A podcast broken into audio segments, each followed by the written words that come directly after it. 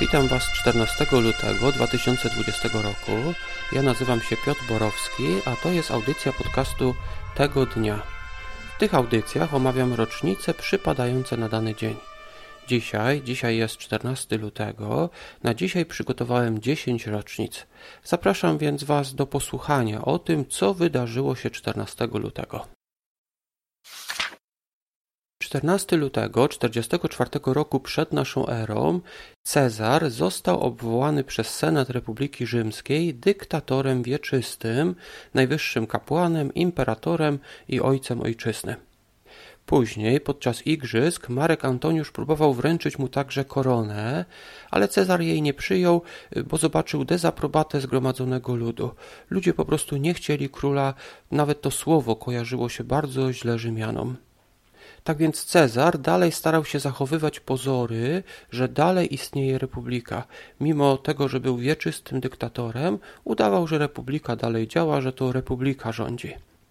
18 marca miał wyruszyć na wojnę na wschód, jednak 15 marca w Idy marcowe, 15 marca 44 roku przed naszą erą został zabity przez zamachowców.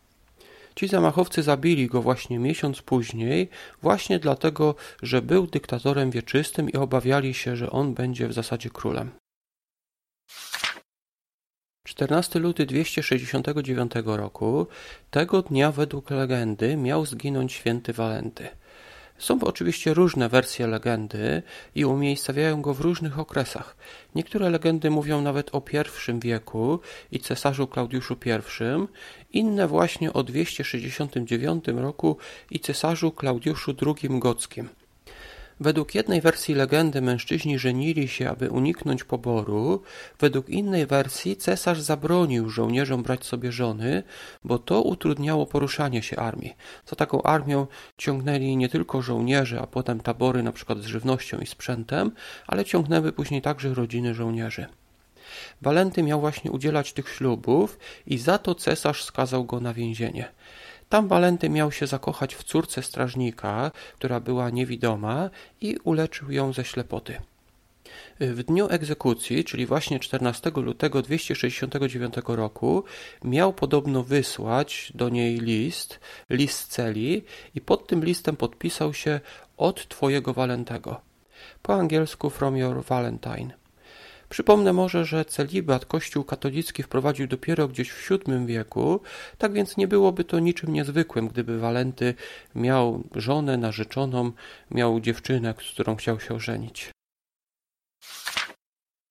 14 luty 1779 roku James Cook został zabity przez tubylców na Hawajach. Według legendy został też później zjedzony przez nich. Resztki ciała ci tubylcy, ci ludożercy zwrócili załodze, podobno właśnie z szacunku dla tak wielkiego wodza, a załoga pochowała te resztki w morzu. 14 luty 1876 roku Alexander Graham Bell zgłosił wynaleziony przez siebie telefon w biurze patentowym. Parę godzin później do urzędu przyszedł też Elish Gray, Później obaj walczyli o to, kto ma prawa, ale Bell wygrał batalię w sądzie. Niektórzy za wynalazcę uznają pewnego włoskiego konstruktora, który skonstruował telefon, aby jego chora żona mogła się z nim skomunikować w warsztacie. To znaczy ten Włoch był w warsztacie i chciał, żeby żona, gdyby chciała z nim porozmawiać, mogła to zrobić i zrobił dla niej telefon. E, on jednak nigdy nie opatentował swego wynalazku, dlatego my dzisiaj znamy e, nazwisko Bella jako tego, który wynalazł telefon.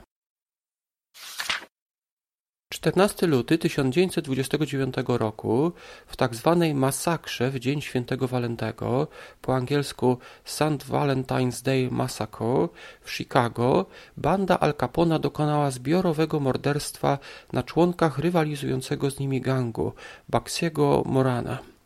Ludzie Al Capona przebrali się za policjantów i niejako złapali y, tą przeciwną bandę, złapali na złapali członków tej drugiej bandy za to, że tamci szmuglowali alkohol, ustawili ich pod ścianą i po prostu ich rozstrzelali.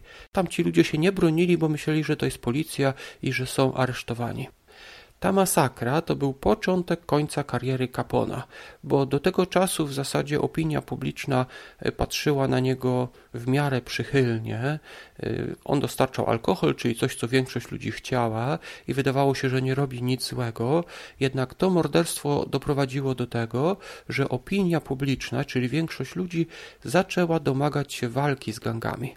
Tak więc prezydent USA czuł się zmuszony do tego, żeby zrobić takie grupy, które miały złapać Al Capona.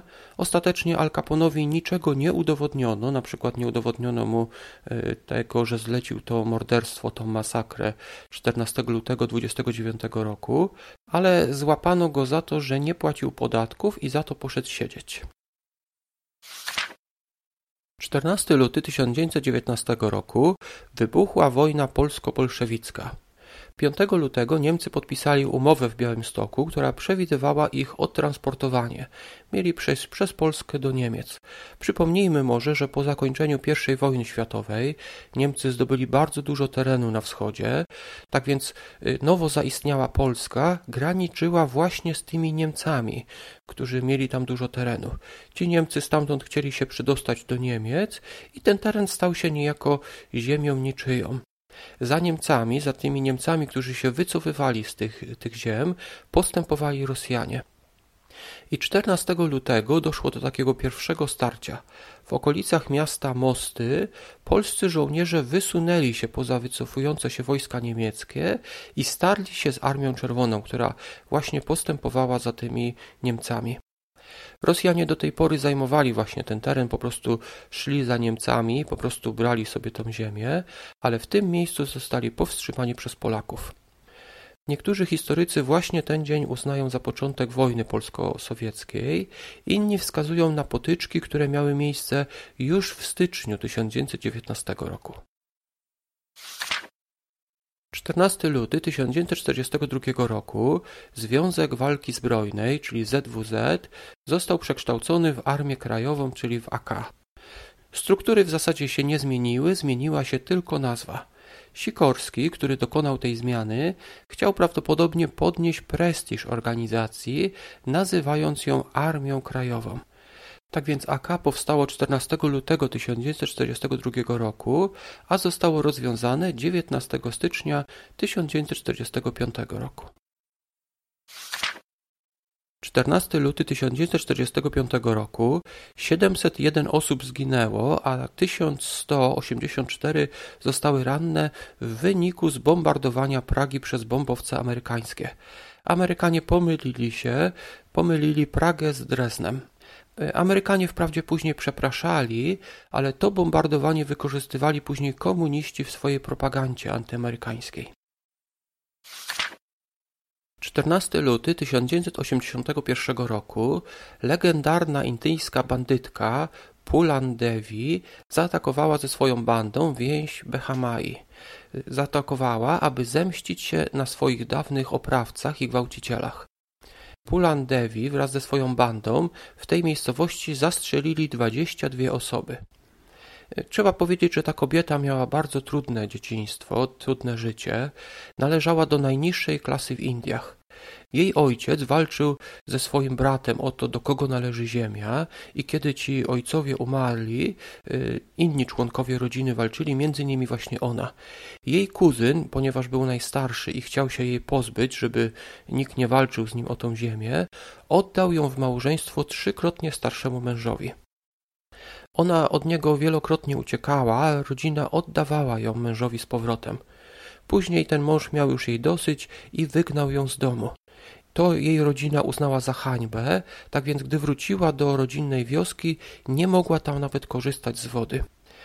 Ten kuzyn oskarżył ją później o kradzież i dostała się do więzienia, gdzie była wielokrotnie gwałcona, a ostatecznie sprzedano ją okolicznej bandzie.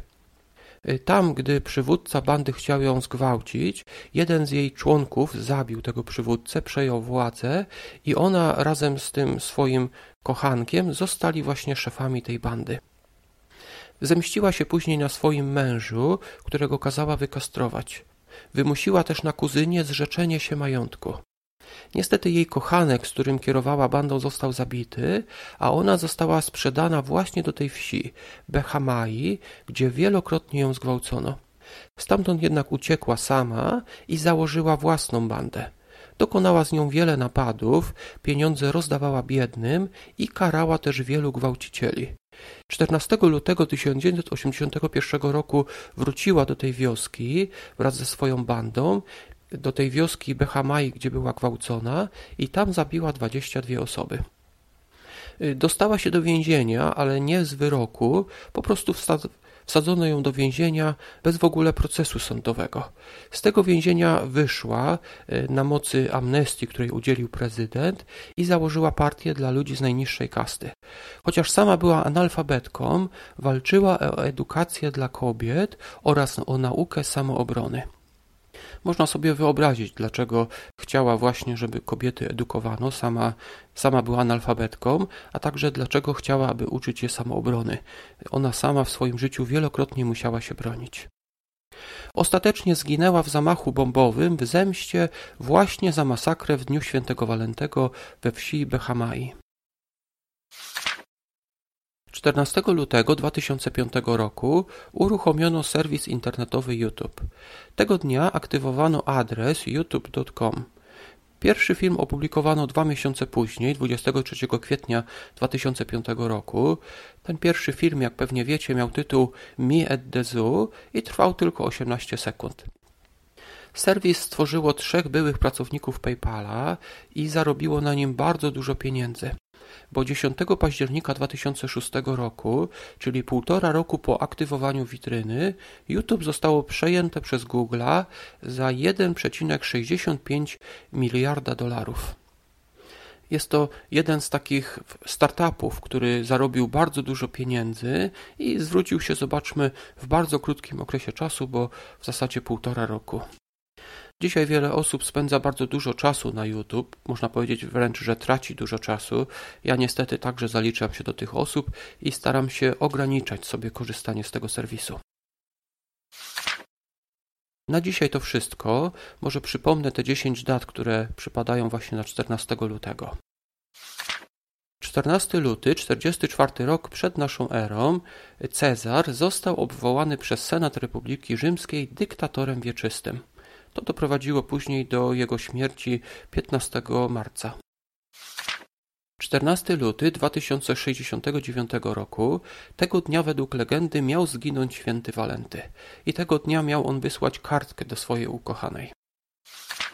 14 luty 1779 roku James Cook został zjedzony przez tubylców na Hawajach. 14 luty 1876 roku Bell opatentował telefon.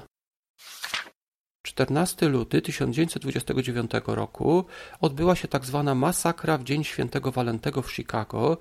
Banda Al Capone zabiła członków przeciwnej bandy. 14 luty 1919 roku wybuchła wojna polsko-bolszewicka. 14 luty 1942 roku Związek Walki Zbrojnej został przekształcony w Armię Krajową. 14 luty 1945 roku Amerykanie zbombardowali Pragę przez pomyłkę, bo chcieli zbombardować Drezno. 14 luty 1981 roku indyjska bandytka zemściła się na swoich gwałcicielach i dokonała masakry w pewnej wsi. 14 luty 2005 roku uruchomiono serwis internetowy YouTube. Na dzisiaj to już wszystko. Dziękuję Wam bardzo za wysłuchanie. Zapraszam oczywiście do innych odcinków, zapraszam też do podcastu Historia według dzieci. Ja teraz się z Wami żegnam. Do usłyszenia.